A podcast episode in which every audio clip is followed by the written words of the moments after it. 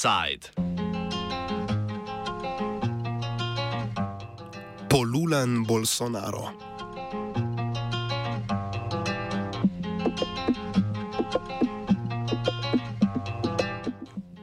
Sinoči je potekal drugi krok brazilskih predsedniških volitev, na katerih sta se pomerila dosedani predsednik Jair Bolsonaro in nekdani predsednik Luiz Inácio Lula da Silva.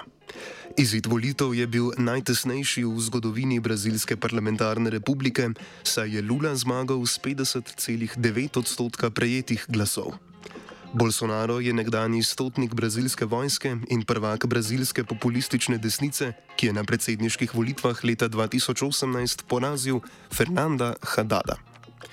Kandidata iz Lulove delovske stranke, krajše PT. Lula ni mogel kandidirati, saj je prestajal zaporno kazen zaradi upletenosti v korupcijsko afero Autopralnica.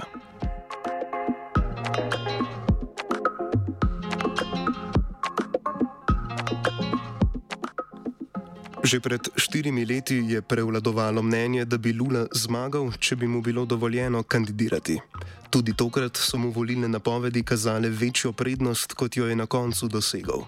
Nekdani dopisnik dela iz Južne Amerike, Stefan Bogdan Šulej, meni, da je osrednji razlog za porast podpore Bolsonarovi desnici uspon evangelistične cerkve med revnejšim in bogatejšim prebivalstvom. Bolsonarizem ima podporo uh, predvsem pri evangeličanih, eh, to se pravi ta razpon in rast e, evangeličanske crkve kot neke vrste narodna crkva v Braziliji, ne, ki je zajela predvsem eh, revno populacijo, pa tudi zdaj že bogatejše in gospodarstvenike. Ne, to in ti imajo danes uh, okrog 30% ali več celo brazilskega prebivalstva, niso več rimsko-katoliški, ampak so evangeličani. In, in ta, ta evangeličanska crkva je skozi zadnja leta tudi prevzela močno vlogo v sami politiki. Med kampanjo je prišlo do več nasilnih obračunov med podporniki Lule in Bolsonara, v katere so bili upleteni tudi nekateri poslanci. Dva takšna incidenta opiše Šulej.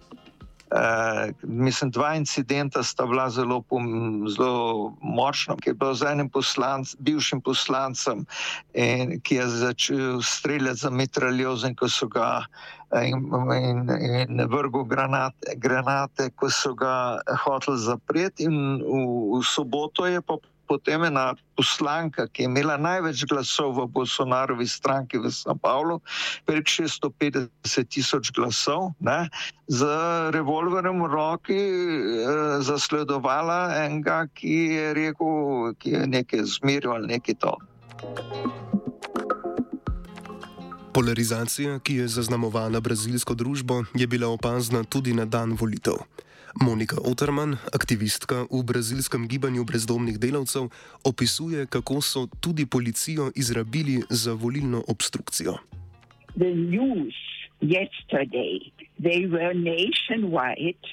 And the police really stopped buses, they stopped Uber cars with people in red t shirts.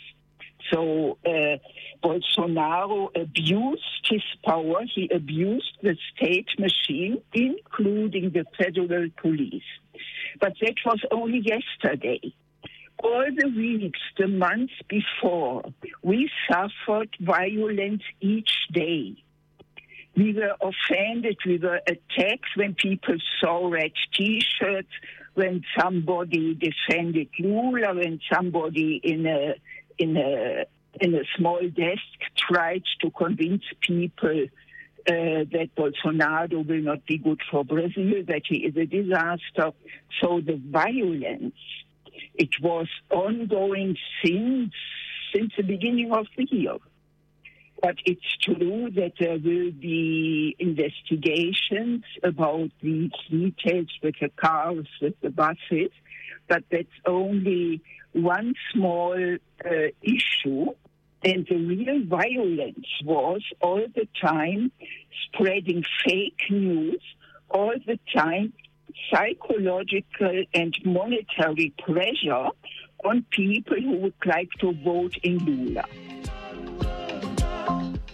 Med volitvami se je večkrat pokazalo, da sta brazilska vojska in predvsem vojaška policija naklonjeni Bolsonaru. Vendar je po mnenju profesorja mednarodnih odnosov Stefana Gucinija možnost, da bi vojska izvedla državni udar, precej nizka. The top brass of the military, um, perhaps, and this is just a speculation, but a potentially uh, correct one, also under pressure from the present US government, um, has made it clear that it will it will try to keep its role in uh, in a democratic environment, i.e., not intervene in any uh, particular manner. This does not necessarily mean that they would not lean in favor of Bolsonaro, but it's just that they, so far at least, have no intention or seems seem not to have any intention to uh, to go out of the barracks that seems always to the outsider like myself a little bit pushed as if uh, wow why would they do a coup but there is a clear nervousness within uh, i'm sitting in rio a clear nervousness within the um, uh, the elites but also in the observers that uh, the military might in some way step in again so that has been taken out um, for the time being, and we will have to see how Bolsonaro behaves in the next month because the actual turn over to Lula will be on the 1st of January. And um, but uh, there have been clear signs yesterday at the uh, after the results from many uh, important players, be it the governor of Sao Paulo, be it the chief justice of the Supreme Court overseeing the electoral process.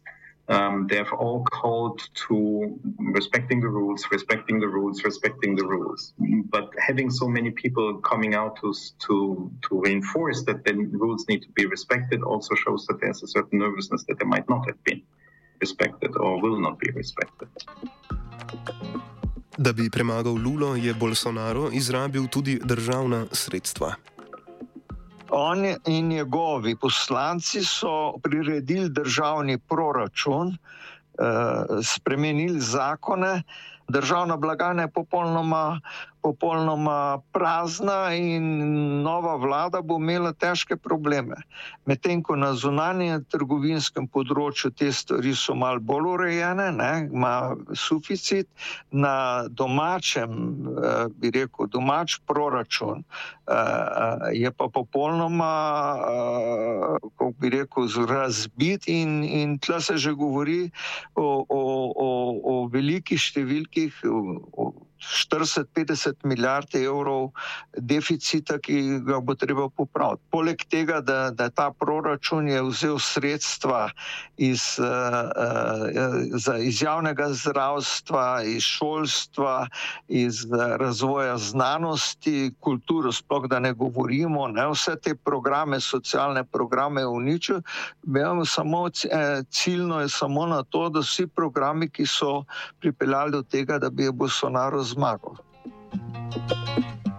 Kot opisuje Andreza de Souza Santos iz Latinsko-ameriškega centra Univerze v Oxfordu, je v kampanji Bolsonarova stran neprimerno bolj zavajala o nasprotnikovih politikah. Well. Actually, it, it's not correct to say that both uh, candidacies used a lot of fake news because it was um, unproportional. Like um, Bolsonaro's campaign used more, and and Lula gained the right to respond to those fake news um, way more than Bolsonaro did. So Lula's campaign um, didn't have like near as many fake news as as the Bolsonaro campaign, but one of the main ones. Uh, they, they were mainly related to, to the moral agenda um, such as that Lula would uh, create mixed bathrooms in schools so that um, girls and boys would use the same bathroom and um, that would indoctrinate kids to no longer be heteronormative and so on and so forth. So, so that's, um, that vein was very used.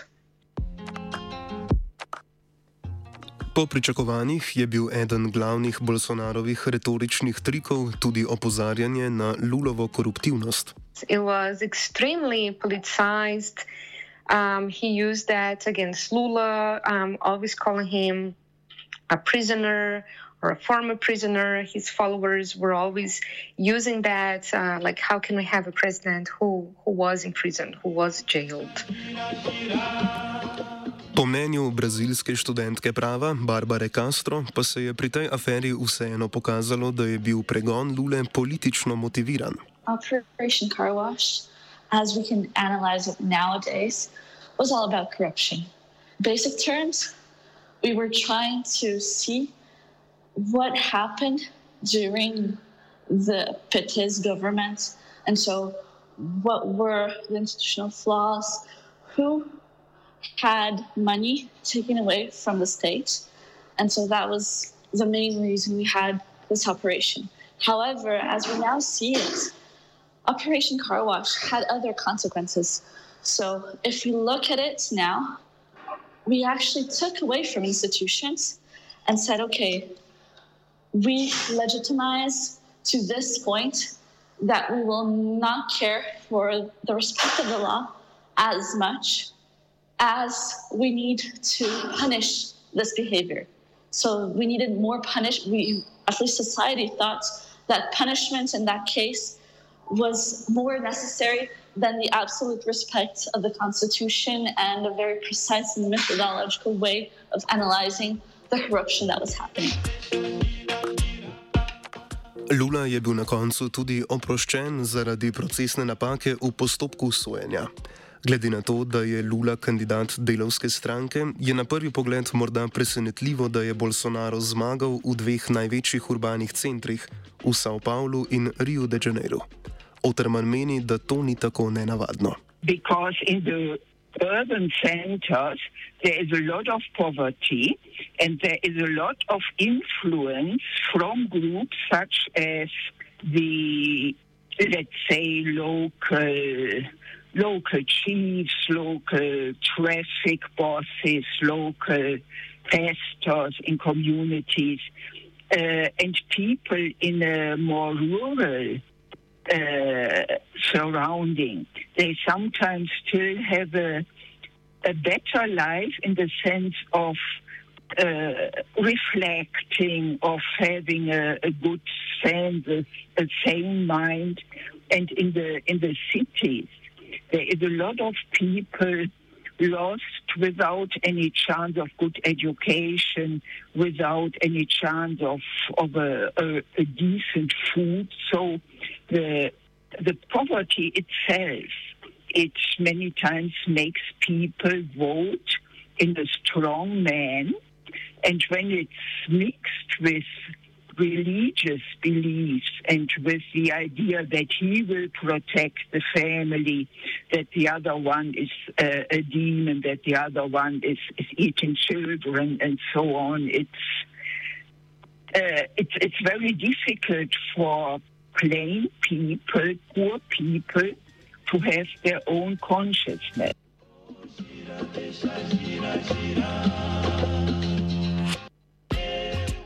Kljub porazu na predsedniških volitvah so stranke brazilske politične desnice vseeno pridobile veliko podpore na volitvah za guvernerje, ki so potekale sočasno.